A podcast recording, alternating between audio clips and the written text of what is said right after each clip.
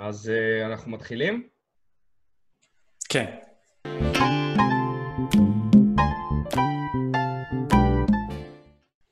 אז ברוכים הבאים לפודקאסט של בואו נדבר, ואיתנו כאן שחר חן בפינה שכבר, אני מקווה שכבר נהפכת להיות הפינה הקבועה שלנו. מה שלומך? כן, ניכר, ניכר שזה מתחיל להיות קבוע. כן. אז אנחנו הולכים לדבר היום על uh, משברים בשוק ההון. אנחנו נתחיל מההתחלה. ואנחנו נעצור בטח במשבר הקורונה, כי כבר דיברנו עליו. או אולי גם ניגע בו קצת. כן, אולי גם ניגע בו קצת. תראה, מה, ש... מה שנספיק, נספיק. אמ, תראה, כל העניין הזה של חקר משברים בשוק ההון זה באמת עניין מרתק. אה, לראות את הסיבות והתוצאות לכל משבר ואיך שוק ההון הופך להיות מאוד אמ, אה, מפותח אחרי שיש משברים כאלה, זה משהו מאוד מעניין. עכשיו, נכון שכל הדברים שאנחנו הולכים לדבר עליהם עכשיו, הם בעצם היסטוריה. היסטוריה שמעניינת ככל שתהיה,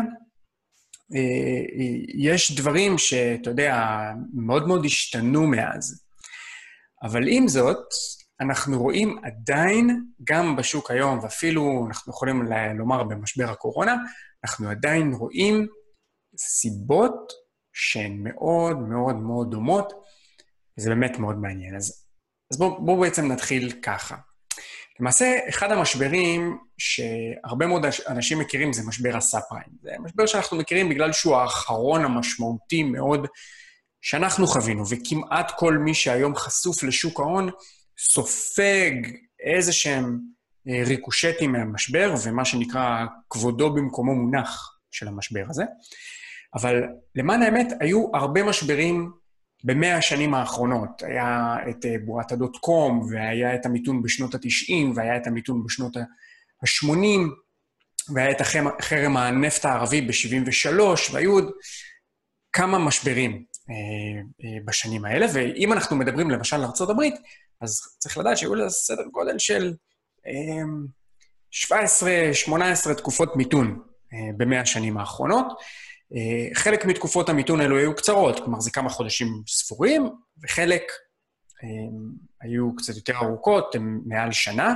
אה, מיתון זה מצב שבו האבטלה עולה בכמה אחוזים, לעתים אפילו, אתה יודע, כמו עכשיו, חוצה את העשרה אחוזים, התוצר יורד, לפעמים יותר, לפעמים פחות. אבל אבי כל המשברים הכלכליים זה משבר 1929, או מה שהאמריקאים קוראים לו The Great Depression. אה, אנחנו, למה למעשה אנחנו קוראים לו אבי כל המשברים? כי אנחנו מדברים על תקופה של עשור של משבר כלכלי, עם 25 אחוזי אבטלה בארצות הברית, ירידה של עשרות אחוזים בתוצר, הסדר גודל של 50 אחוז בתוצר, הייתה אפילו תקופה ש, ש, ש, שהיינו בתוצר מאוד מאוד מאוד שלילי, וזה פשוט מאוד, אחד מכל ארבעה אמריקאים היה מובטל, לא הייתה לו עבודה. ואם אנחנו מדברים על הקהילה השחורה בארצות הברית, אז האבטלה אפילו הגיעה ל-50 אחוז. אה, וזה היה כאילו נשגב מבינתם, אנשים שחיו באותן תקופות, הם לא הבינו איך כלכלה גדולה, מפוארת, כמו שהייתה, של ארצות הברית, עם אנשים טובים, אנשים בריאים, אנשים חזקים, עם רעב, עם תשוקה ועם רצון לעבוד, פשוט מאוד כלכלה עוצרת, ואנשים נשארים מובטלים ונשארים רעבים. עכשיו, אנחנו יכולים פחות או יותר להמחיש את ההשפעות של זה לעולם המלחמה. אני תמיד חוזר לשם, כי העקרונות בניהול השקעות הם, הם מאוד דומים. אז בואו נניח שלמשל צה"ל, כן, ניקח את צה"ל כדוגמה, הוא מתחיל, להר... מחליט שהוא יוצא להרוס אה, בית של מחבל שמפגע, מישהו עשה פיגוע ולא עלינו אה, הרג אנשים, נניח וצה"ל מחליט לעשות את זה, אז הוא מגיע עם דחפור, מגיע עם D9, או מגיע עם איזה מחפרון כזה או אחר, מתנגש בדופן של המבנה, מרים קצת את הכף, משחק איתה קצת ימינה, קצת שמאלה, קצת למעלה, קצת למטה, טראח, יש איזה נזק לבית, גדול או קטן, אבל נזק כזה, בדרך כלל, הם יכולים לשקם אחרי כמה שבועות. וזה מה שנקרא בעצם מיתון קטן. האפשרות הבאה שעומדת בפני המפקד בשטח, היא ללכת, לפוצץ את המבנה בעזרת חבלנים, כלומר להכניס בלילה חבלנים אל תוך הבית, למלכד את הבית, להוציא את המשפחה, לפוצץ אותו, או להטיל עליו איזושהי פצצה של כמה טונות שתמוטט את כל הבית, ואילו המדרגה הבאה היא כבר להגיע, ל, אתה יודע, לדברים שהם קצת יותר כבדים, כמו איזו הפצצה אווירית כבדה, שלוקח הרבה יותר זמן להשתקם, אפשר להשוות את זה כמו לבליצקריג אה, שהפציצו את לונדון במלחמת העולם השנייה, ו... או, את פולין, אה, את, את ורשה, אה, ואפשר גם להגיע לאמצעי הכבד ביותר, אתה יודע, שכמו שמטילים איזושהי פצצת אטום, כמו שהאמריקאים עשו בירושמה במלחמת העולם השנייה, אחרי מלחמת העולם השנייה. ומנזק כזה לוקח עשרות שנים להגיע לשיקום. זה ההבדלים בין משבר, שהוא איזה משבר כלכלי, לתקופת השפל הגדול. לוקח באמת הרבה הרבה זמן להתאושש ולהשתקם. ואותו שפל הוא גם, בסוף, בגלל שהוא היה כל כך משמעותי, הוא גם המשבר שהכי הרבה חקרו אותו אי פעם, וכולם ניסו ככה להבין מה בדיוק אה, גרם לו. אז בואו נתחיל. למעשה, אחד הגורמים המרכזיים למשבר, אני אומר לכם, הוא, עם כמה שמוזר לומר את זה, אחד הגורמים המרכזיים למשבר הוא פשוט מאוד מערכת הבנקאות. על מה אני מדבר כשאני מדבר על מערכת הבנקאות? אז אמ, נדבר על זה כמו איך מערכת בנקאות בעצם עובדת. אנשים אה, הרבה פעמים הולכים לבנק, אוקיי? מקבלים משכורת, מפקידים כסף בבנק, ואז חושבים שהכסף שלהם באמת בבנק. אז אולי זה הגיוני שהכסף שלהם באמת בבנק, אבל זה לא באמת ככה. למעשה, כשאתה, איגור, הולך היום ומפקיד כסף בבנק, באיזה בנק אתה נמצא? פועלים. פועלים. אתה הולך ומפקיד כסף בבנק הפועלים, אותו כסף הופך מהר מאוד להיות הלוואה של מישהו אחר. אתה מפקיד את המשכורת שלך בבנק, אה, שנניח, אה, רק שיהיה לנו כאן המספרים, אה, עומדת על עשרת אלפים שקלים בחודש, ככל הנראה אנחנו נראה סדר גודל של יותר מ-90 אחוז, הופך להלוואה של מישהו אחר.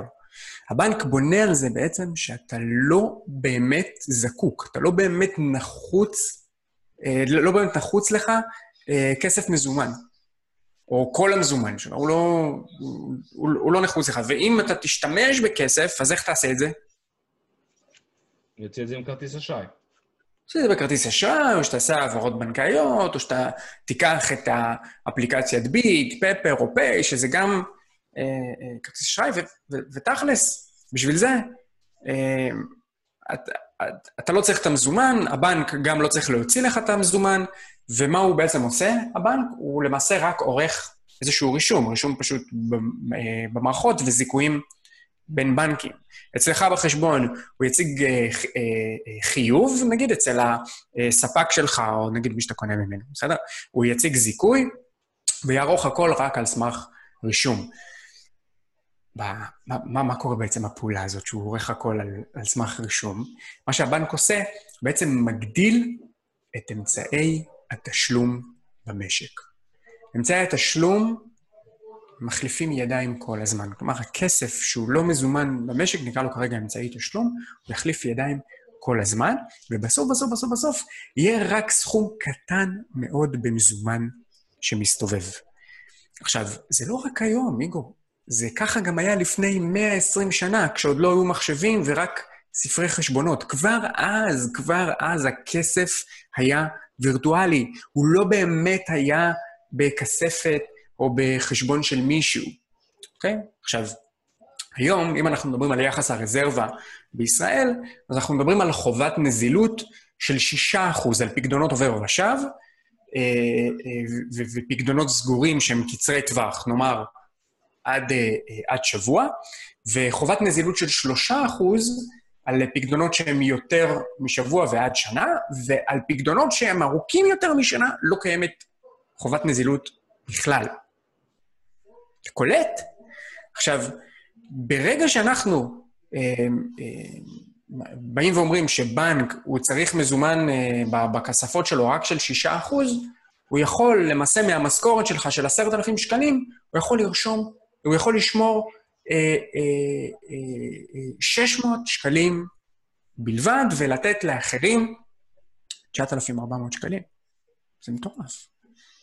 אז זה, זה, זה פשוט אה, אה, מצב שקודם כל ככה הוא היום, והוא, והוא היה ככה וחמור מכך עוד אה, אה, בעבר. אה, וזה זה, זה בעצם עצם העניין. עכשיו, מי שמקשיב לנו בא ואומר, אוקיי, רגע, רגע, אז סבבה, הוא הוציא את זה, הבנק הוציא את זה החוצה כהלוואות. אין פה עדיין איזשהו אמצעי תשלום אחר, הרי 94 אחוז מהכסף שלי הופכים להלוואה של מישהו אחר, סבבה והכול, אבל צריך להבין שיש הבדל משמעותי מאוד בין חוב שאני לוקח או מישהו אחר לוקח לטווח ארוך, לבין העובר ושב. אוקיי? גם מבחינת היכולת שלך לבצע שימוש אה, בכסף גדול שיש, וגם, אה, אה, לא רק יכולת, כאילו גם זה מבחינה פסיכולוגית, ובואו ניתן רגע דוגמה. לדוגמה, אתה עכשיו, לא יודע, אני היום נגיד נכנסתי לאיזשהו חניון, נדרשתי לשלם 24 שקלים בחניון. סביר להניח שאני לא אומר לעצמי, וואי, איזה דפוק אני, אני עכשיו יש לי משכנתה על הראש, עכשיו יש לי אה, הלוואה על האוטו, אני בחוב כאילו הזוי, אין סרט כזה שאני משלם 24 אה, שקלים על חנייה. סביר יותר להניח שאני בא ואומר, וואלה, אה, יש לי כך וכך כסף בעובר ושב, סתם לצורך הדוגמה, נגיד אני אומר 2,500 שקלים בעובר ושב, אני מצליח לעמוד בהתחייבויות החודשיות שלי, אין לי בעיה לשלם על חניה. ופה בעצם דיבת העניין. החובות שלנו הן לטווח ארוך, והעובר ושב שלנו הוא, הוא לטווח קצר, ועליו אנחנו מסתמכים ברוב קבלת ההחלטות הכלכליות. רוב החיים שלנו, אנחנו נמצאים בחוב כזה או אחר, שלפעמים אפילו חוב גדול, הוא יכול להיות חוב של אה, אה, מיליונים, אבל עדיין את ההחלטות צריכה שלנו אנחנו מקבלים לפי הכסף הפנוי שיש לנו בעובר ושב. אז כך בעצם הבנק מגיע למצבים שעל סכומים מאוד מאוד קטנים ש, אה, שיש לו עכשיו בפנים, הוא יוצר אמצעי תשלום שלעיתים מאוד מאוד גדולים בחוץ. אמ, וזה לגמרי שונה, אוקיי? לגמרי שונה ממצב שבו אתה, אגור, תעניק הלוואה למישהו אחר. כי אתה, כשאתה מעניק הלוואה למישהו אחר, אתה, אה, אתה לא יוצר אמצעי תשלום. אתה רק מאבד את הנזילות שלך. ברגע שהלווית כסף למישהו, אתה למעשה גורע מעצמך. אבל זה לא המצב אה, אה, שבעצם קורה בבנק. למה? כי אם אתה שם בעצם כסף בבנק, ואז הבנק מלווה כסף למישהו, אז גם לך יש כסף בעובר ושב, נכון? כי אתה שמת את הכסף בבנק, נכון? Mm-hmm. וגם למי שלווה כסף יש כסף בעובר ושב. ואז אנחנו מגיעים ל, הופה, נוצר לנו בעצם אמצעי אה, אה, תשלום. אה, ובעצם הכל טוב ויפה, אה, במצב אה, ככה טבעי, הכל טוב ויפה, עד שקורה מצב שהרבה אנשים ביחד, מה מחליטים לעשות? למשוך את הכסף שלהם. נכון, למשוך את הכסף שלהם במזומן. ואז מה, מה קורה? פותחים את הכספת של הבנק, ומגלים שאין שם עשרת אלפים שקל, אלא כמה יש? שש אחוז מזה. נכון, שש מאות. ועוד 9,400 שאנשים אחרים חייבים ויחזירו מתישהו בהתאם להסכם הלוואה שיש להם.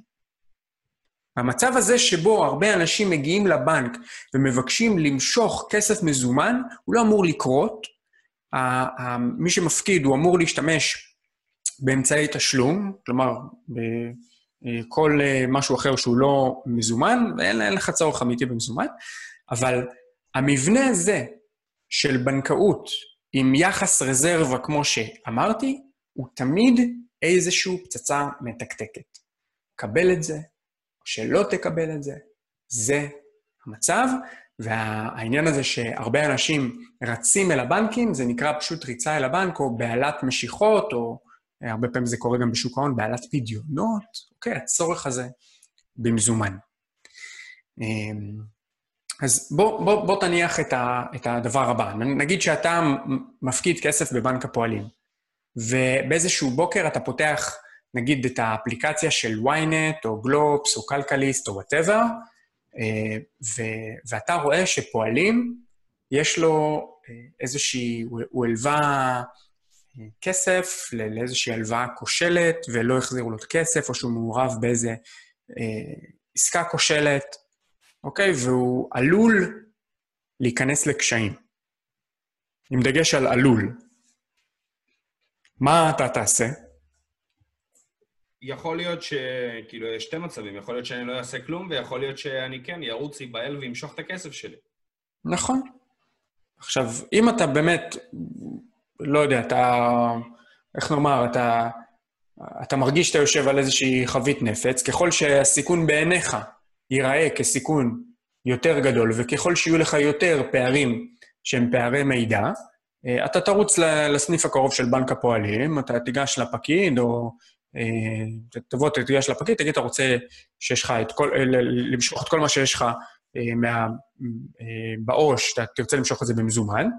אוקיי, אנחנו בדרך כלל לא יכולים למשוך סכומים גדולים בכספומטים. ואתה תבקש, תבקש את המזומן. עכשיו, איתך זה לא רק אתה שתגיע ותבקש את המזומן, זה עוד הרבה אחרים, אוקיי? ואז אם זה עוד בן אדם ועוד בן אדם ועוד בן אדם ועוד בן אדם, בסוף לבנק לא יהיה, והוא ייאלץ אה, לסגור את שעריו למשיכות. אגב, זה אירוע מאוד מאוד מפורסם, קרה לנו באוגוסט 2015, נכון? אני מקווה שאני זוכר, אוגוסט 2015, זה קרה ביוון, אוקיי? שהציבור הכניס את הבנקים לאיזושהי מצוקת נזילות. אמ, ובאיזשהו מקום מדובר בנבואה שמגשימה את עצמה. החשש מקריסה של הבנק גורם לריצה של הציבור אל הבנק, ולסגירה של הבנק אחר כך, וקריסה של הבנק אחר כך, כל הסיפור הזה. והבנק, או למעשה האופן שבו מערכת הבנקאית בנויה, זה כמו איזשהו סכר. אמ, שדמיינו עכשיו איזשהו אה, סכר שבנוי מאמון, שנותנים בו כל המפקידים, כל בעלי החשבונות, וברגע שיש איזשהו סדק קטן באותו אמון, הסכר הזה קורס ונפרץ, ולבנק הזה אין סיכוי לעמוד בפרץ של, אה, אה, של משיכות. עכשיו, אם זה קורה בבנק אחד, וואלה, אפשר עוד איכשהו לכבות את זה, אבל תחשבו שזה יכול לקרות בהרבה בנקים, זה משהו שהוא יכול להיות אה, מטורף. עכשיו, העניין הוא איפה זה, איפה זה רע ואיפה זה פוגע. אם הכסף המזומן יוצא מתוך הבנקים, מה הבנקים לא יכולים לעשות? לא, לא. איפה זה פוגע בבנקים? נגיד הוצאתי כסף מהבנק, אז מה, מה הבנק עכשיו לא יכול לבצע? הוא לא יכול להביא עוד הלוואות. נכון, הוא לא יכול לתת הלוואות. הוא לא יכול לייצר אמצעי תשלום. ונוצר מצב שכמות אמצעי התשלום במשק הולכת וקטנה. הבנקים לא יכולים להעניק אשראי, ואם אין אשראי, אז גם לא יהיה כסף לאנשים. ואז אנשים מתחילים לצרוך פחות. וברגע שהם צורכים פחות ויש פגיעה בצריכה, אז מתפתח משבר, שאפשר לקרוא לו משבר ריאלי. מה זה ריאלי בעברית? משבר אמיתי. יש משבר אמיתי בשוק, יש משבר בצריכה. עכשיו, אנשים יצרכו פחות, היצרנים, מה יעשו? ייצרו פחות. ייצרו פחות. ואז מה קורה לעובדים של היצרנים? יעבדו פחות. יעבדו פחות, כלומר, יהיו לנו פיטורים, תהיה עלייה באבטלה.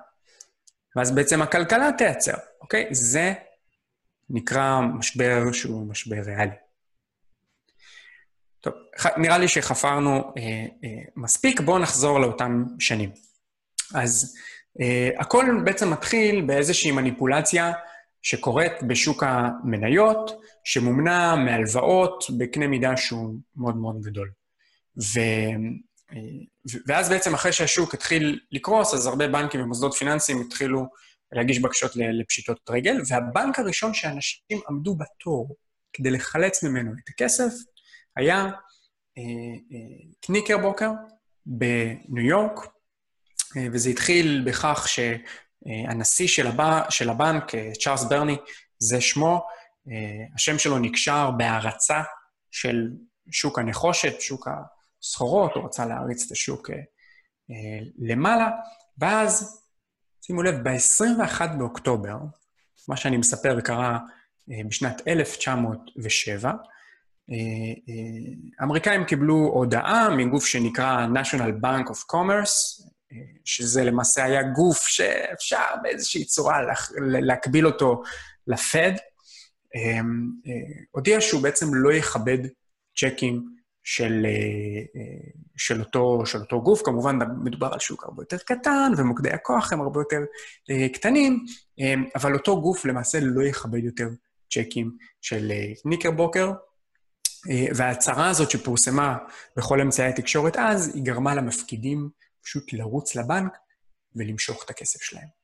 וכבר בבוקר למחרת, לפני הפתיחה של הבנק, היו עשרות של אנשים אה, בש"ג של הבנק וביקשו למשוך את הכסף שלהם, והתור התארך והתארך והתארך, ואז הנהלת הבנק מאוד נלחצה והזעיקה את המשטרה, והיא ביקשה את, את עזרת המשטרה בשמירה על הסדר, המנהלים הסתובבו בין האנשים וניסו להרגיע וניסו לשכנע שלא, אה, ש, שהם לא ימשכו את, ה, אה, את הכסף, והביאו לבנק משאיות עמוסות בשטרות על מנת לאפשר למפקידים לקבל את הכסף שלהם, אבל זה פשוט מאוד לא הספיק לכל מי שרצה את הכסף שלו. אה, והבנק באותו זמן אומרים שהוא חילק סדר גודל של 8 מיליון דולר במזומן, שזה בערך 200 מיליון דולר של היום. אמ, וזה היה אחד הבנקים הגדולים בארצות הברית, זה כמו שנגיד היום, לא יודע, ווילס פארגו לצורך העניין. אה, זה היה אחד הבנקים הגדולים בארצות הברית, שהשמועה על הסגירה שלו למשיכות פשוט התפשטה כמו אש אה, בשדה קוצים בכל רחבי ארצות הברית, והבהלה פשוט מאוד הייתה כמו איזשהו אה, כדור שלג. הציבור התחיל לרוץ אל כל המוסדות הפיננסיים והבנקים בכל ארצות הברית, ופשוט מאוד רצה למשוך את, ה, כסף. עכשיו, אותו צ'ארלס ברני, שהוא היה נשיא הבנק הזה, הוא ביקש להיפגש עם ג'יי פי מורגן. ג'יי פי מורגן ידוע כמי ש... אחד הבנקאים הכי גדולים אה, שהיו אי פעם בעולם, הוא היה בעצם אז הבנקאי החזק ביותר, וצ'ארלס ברני ביקש ממנו סיוע מה, מהבנק שלו, וג'יי פי מורגן פשוט דחה אותו. והמצב היה כל כך כאוטי באותו זמן, שהגיע למצב שאותו צ'ארלס ברני לא יכל לעמוד בלחצים, וב-14 לנובמבר 1907 הוא דפק לעצמו כדור בראש ומת. אמ, ו- ואנחנו מדברים על תקופה ששום בנק לא היה בטוח בעיני הציבור, ו- ואנשים פשוט אה, בחרו שלא להפקיד את המזומנים ש- שהיו להם בבנקים אחרים, ופשוט שמרו את הכסף בבית. אה, זה, זה, זה הביא לתופעה כזאת שכמו שאמרנו קודם, הבנק לא יכל לתת אשראים, היו קשיי נזילות להרבה מאוד גופים פיננסיים, אה,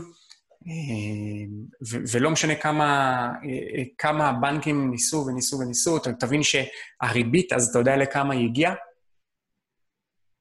בטח סביבות ה-15-20 אחוז? תעלה, תעלה. יותר מזה? אנחנו מדברים על 70 אחוז ריבית לשנה כדי לשכנע אנשים לשים כסף בבנקים. תבין איזה מטורף. עכשיו, תחשוב על שוק ההון, בבורסה, לאף אחד לא היה כסף לקנות מניות. ומי שהיה חייב מזומן, מה הוא עשה? הוא מכר את המניות שלו. ולפעמים מניות של חברות טובות, מכר אותן בגרוש וחצי.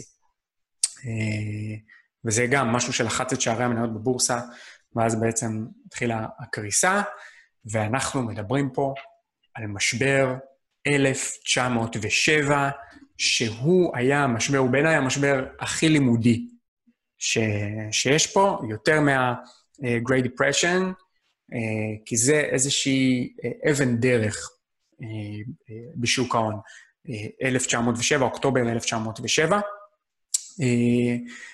המשבר הזה, אחת הסיבות שהוא היה כל כך חשוב, זה כי בסופו של דבר, בהשתלשלות אירועים שחלה אחר כך, זה היה אחד הטריגרים להקמת הפדרל רזרב, הרזרבה הפדרלית, אוקיי? עכשיו, למשבר הזה של 1907 היה גיבור.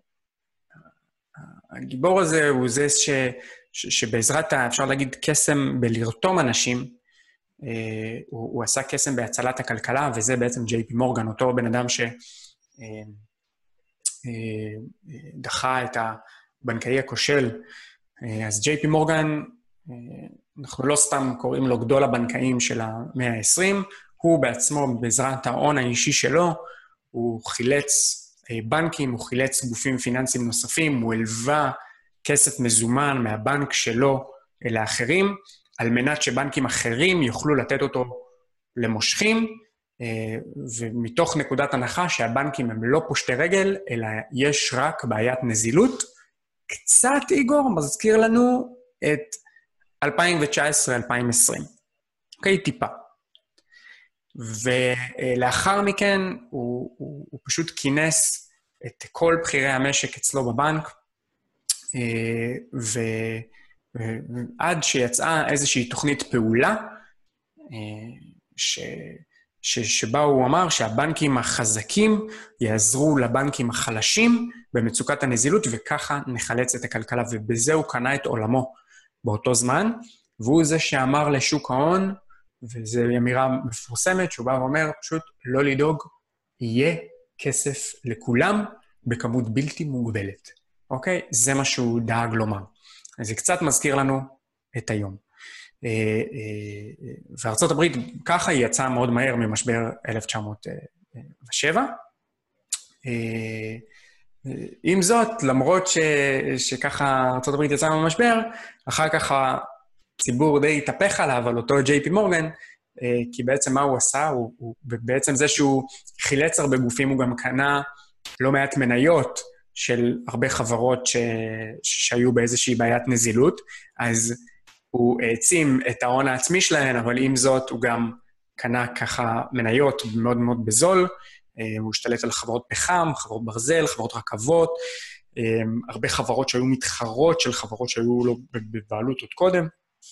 אה, והציבור גם עשה על זה איזשהו כאוס, כי בסופו של דבר אותו ג'יי פי מורגן, עם כמה שהוא היה דמות חשובה בכלכלה, הוא היה אדם פרטי, הוא היה איש עסקים שהיו לו את האינטרסים האישיים שלו, ולמעשה הכלכלה בארצות הברית לא יכלה לסבול שכל כך הרבה כוח יש אצל איש אחד, ולמעשה הציבור דרש פה שינוי. אמ, היה פה מצב שדרוש גוף שיפקח על המערכת, ישמור על היציבות שלה ויחלץ אותה כאשר צריך, ובעצם ככה, בצורה מאוד מאוד, אה, אה, מצד אחד מהירה, מצד שני מאוד מאוד חשאית, בתהליך שהתחילו עוד בשנת 1910, אה, הוקם בעצם הפדרל ריזרב ב-1913, למיטב זיכרוני. הוא אגב נוהל על ידי בנג'מין סטרונג, שבנג'מין סטרונג היה אחד מדמויות המפתח בניהול המשבר הזה, הוא היה מנהל קרן השקעות אצל ג'יי פי מורגן, אחד מנהל קרנות הנאמנות שלו. אמ, אה, ואז בעצם אה, קם ה-Federal Reserve.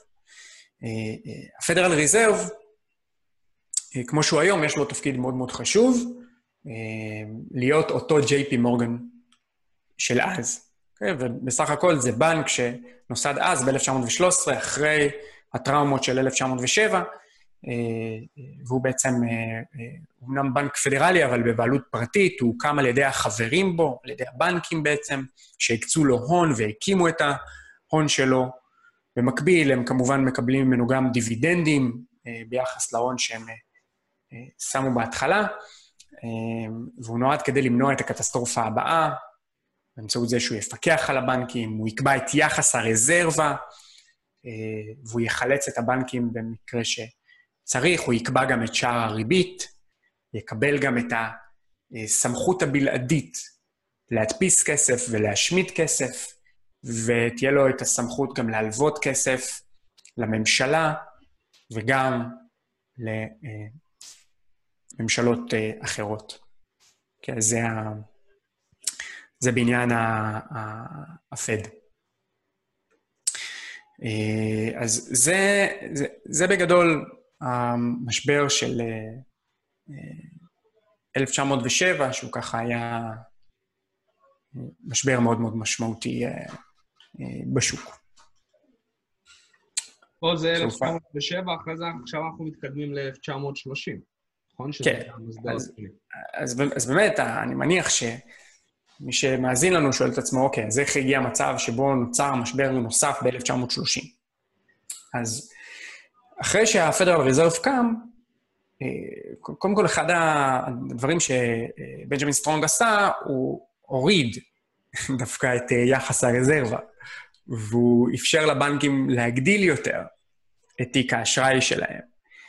וכל האשראי הזה שנשפך החוצה, הוא הופך את שנות ה-20 של המאה הקודמת למה שהאמריקאים קוראים לו שנות ה-20 העליזות. זו תקופה של אופוריה, תקופה שפתאום מה שאנחנו מכירים, האמריקה של היום, ה-Great America, של חיי שפע ותרבות צריכה ומכוניות פאר, ו- ו- וכל הסיפור הזה, זה, זה, זה אז התחיל את התאוצה שלו.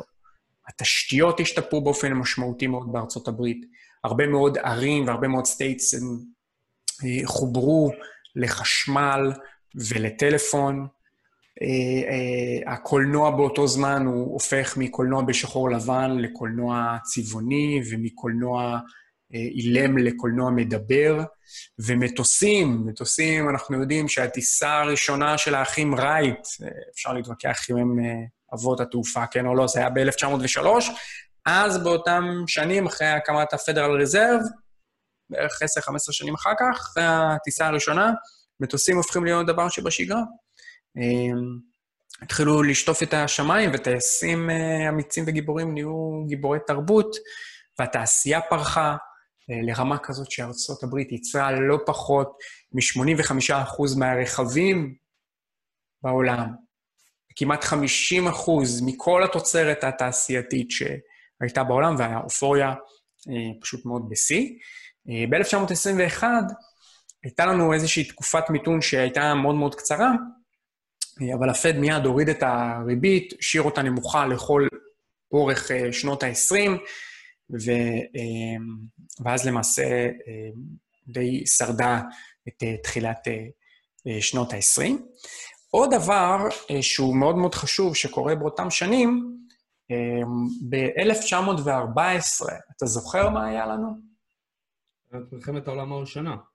נכון. ב-1914 אנחנו מדברים על מלחמת העולם הראשונה, זה היה שנה אחרי הקמת הפדרל רזרב, ובעצם מה ארה"ב עושה באותו זמן? משהו ש... אה, אה, לא היה קודם, היא בעצם מגלה לציבור את שוק ההון. איך היא מגלה לציבור את שוק ההון? היא למעשה מנפיקה אג"ח. מנפיקה אג"ח, ואני חושב שלמעשה, דווקא ברגע זה, עזוב את הפדרל רזרב, אלא דווקא ברגע זה, למעשה אנחנו מתחילים לראות את ההיפוך בין שוק הון חזק מאוד בבריטניה לשוק הון חזק מאוד אה, אה, בארצות הברית. אה, אני רואה דווקא פה את, ה, את התנופה המשמעותית של אה, אה, ארצות הברית על פני אה, בריטניה, ולא אחר כך, ולאו דווקא אחרי מלחמת העולם השנייה. אז בנג'מין סטרונג, שהיה אז יושב ראש הפדרל ריזרב, למעשה דחף לזה שהאוצר, משרד האוצר האמריקאי ינפיק אגרות חוב ממשלתיות בריביות שהן ריביות סבבה כדי לממן את המלחמה, וזה אה, מצב שהביא הרבה מאוד אנשים להיות צמודים לטיקרים, אה, אה, וכל יום אה, להתעדכן במה מחירי האג"ח שלהם אה, אה, בבורסה. הציבור התרגל לזה שיש לו חלופת השקעה, אה, חלופת השקעה טובה, אה, בסיכון שהוא מאוד מאוד נמוך ובריבית אה, שהיא מאוד מאוד אטרקטיבית, ואז הציבור הבין שיש גם מה שנקרא ניירות ערך, ויש דבר כזה מניות, ופתאום, הופ, בשנות ה-20, וול סטריט הפכה למקום הכי חם בעיר.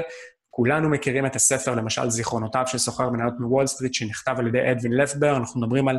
הוא נכתב ויצא לאור ב-1923. אז זה מאוד מאוד אה, אה, קורלטיבי, אה, ו, ו, וזה היה תקופות מטורפות, וגם מסופר לנו על זה בספר. איך הריביות אה, אה, היו נמוכות והאשראי היה בשפע, וניתן היה לקבל אשראי על מניות בהיקף של 90 אחוז. בהיקף של 90 אחוז, זה היה פשוט מטורף. היית קונה מניות, לצורך העניין, ב-10,000 אה, דולר, היית צריך רק 1,000 בחשבון שלך. זה מינוף הזוי. תחשוב, כל uh, uh, עלייה בערך המניה של אחוז, היית עושה עשרה uh, אחוז על, ה, על ההון העצמי שלך, ואותו דבר להפך, אם הייתה יורדת.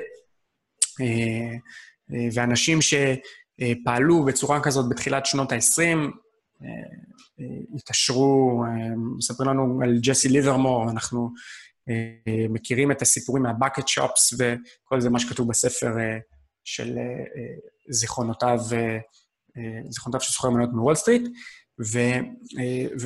ותבין, זו הייתה תקופה שהייתה שגעת ברוקראז'. כל עיוור פיסח וזב חוטם היה פותח, אה, אה, לא יודע, איזה, איזה חנות אה, אה, אה, ברוקרים, והיו מלא פסנועים, אה, פסנוע מנייר וטיקרים אה, אה, מנייר בכל מקום. אנשים היו שמים אצלם במקום העבודה, היו שמים אה, אה, אפילו בחנויות, אה, לא יודע, ב grocery stores, אה, ברכבות, במכוני יופי, מועדוני לילה, ואפילו ב...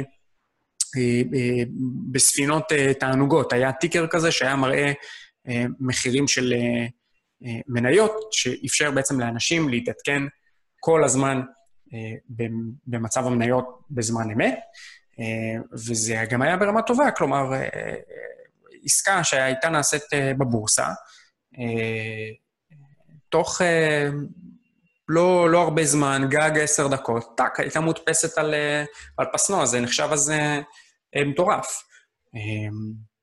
וזה התקצר והתקצר, זה הגיע למצב שעסקה נעשית בבורסה, זה אפילו תוך דקה היא, היא מופיעה כבר על, ה, על הפסנוע, ואנשים, זה הגיע למצב שאנשים לא קראו דוחות, הם אפילו לא ידעו מה עושות החברות, הם, הם, הם פשוט השקיעו בסימבולים, הם פשוט השקיעו בראשי תיבות, הם היו פלנגרים, הם היו אה, אה, אה, מהמרים שהשקיעו במינוף גבוה, ושוק המניות היה באופוריה פשוט מטורפת. אפשר להמחיש את זה לאיזושהי שגעת כמו שהייתה של הביטקוין, או כל מיני מניות הזויות כאלה, שלא אה, יודעים באמת מה, מה ערכם, שוב, לא ביקורת על הביטקוין, אבל ביקורת על איך שהוא, איך שהוא בעצם עלה במהלך 2016-2017.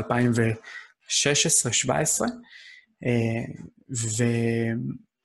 אה, ואז בעצם גם השוק, בגלל שלא הייתה שקיפות מידע ולא הייתה רגולציה, אז הרבה אנשים היו מניפולטורים במניות, אנשים שהיו להם קשרים אה, בתוך החברות והיו מעורבבים והיו, אתה יודע, היו, היו בתוך העסק, אז אה, פשוט מאוד, היה להם מאוד מאוד קל לבצע הרצות של מניות, אה, שהיום זה מעשה פלילי, שבארצות הברית זה יכול לשלוח אותך ל-25 שנה בכלא, בישראל לחמש,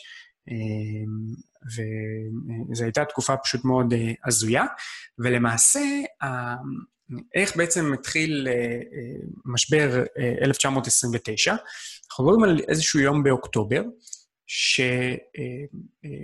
שפשוט מאוד מספר מניות של חברות רכב פתח את היום בירידה ניכרת. והדבר הזה גרר איזשהו רצף של מכירות, אנשים, אל תשכח, עבדו עם מינוף שהוא מאוד גבוה, אה, מהר מאוד התחילו לקבל מרג'ין קולים.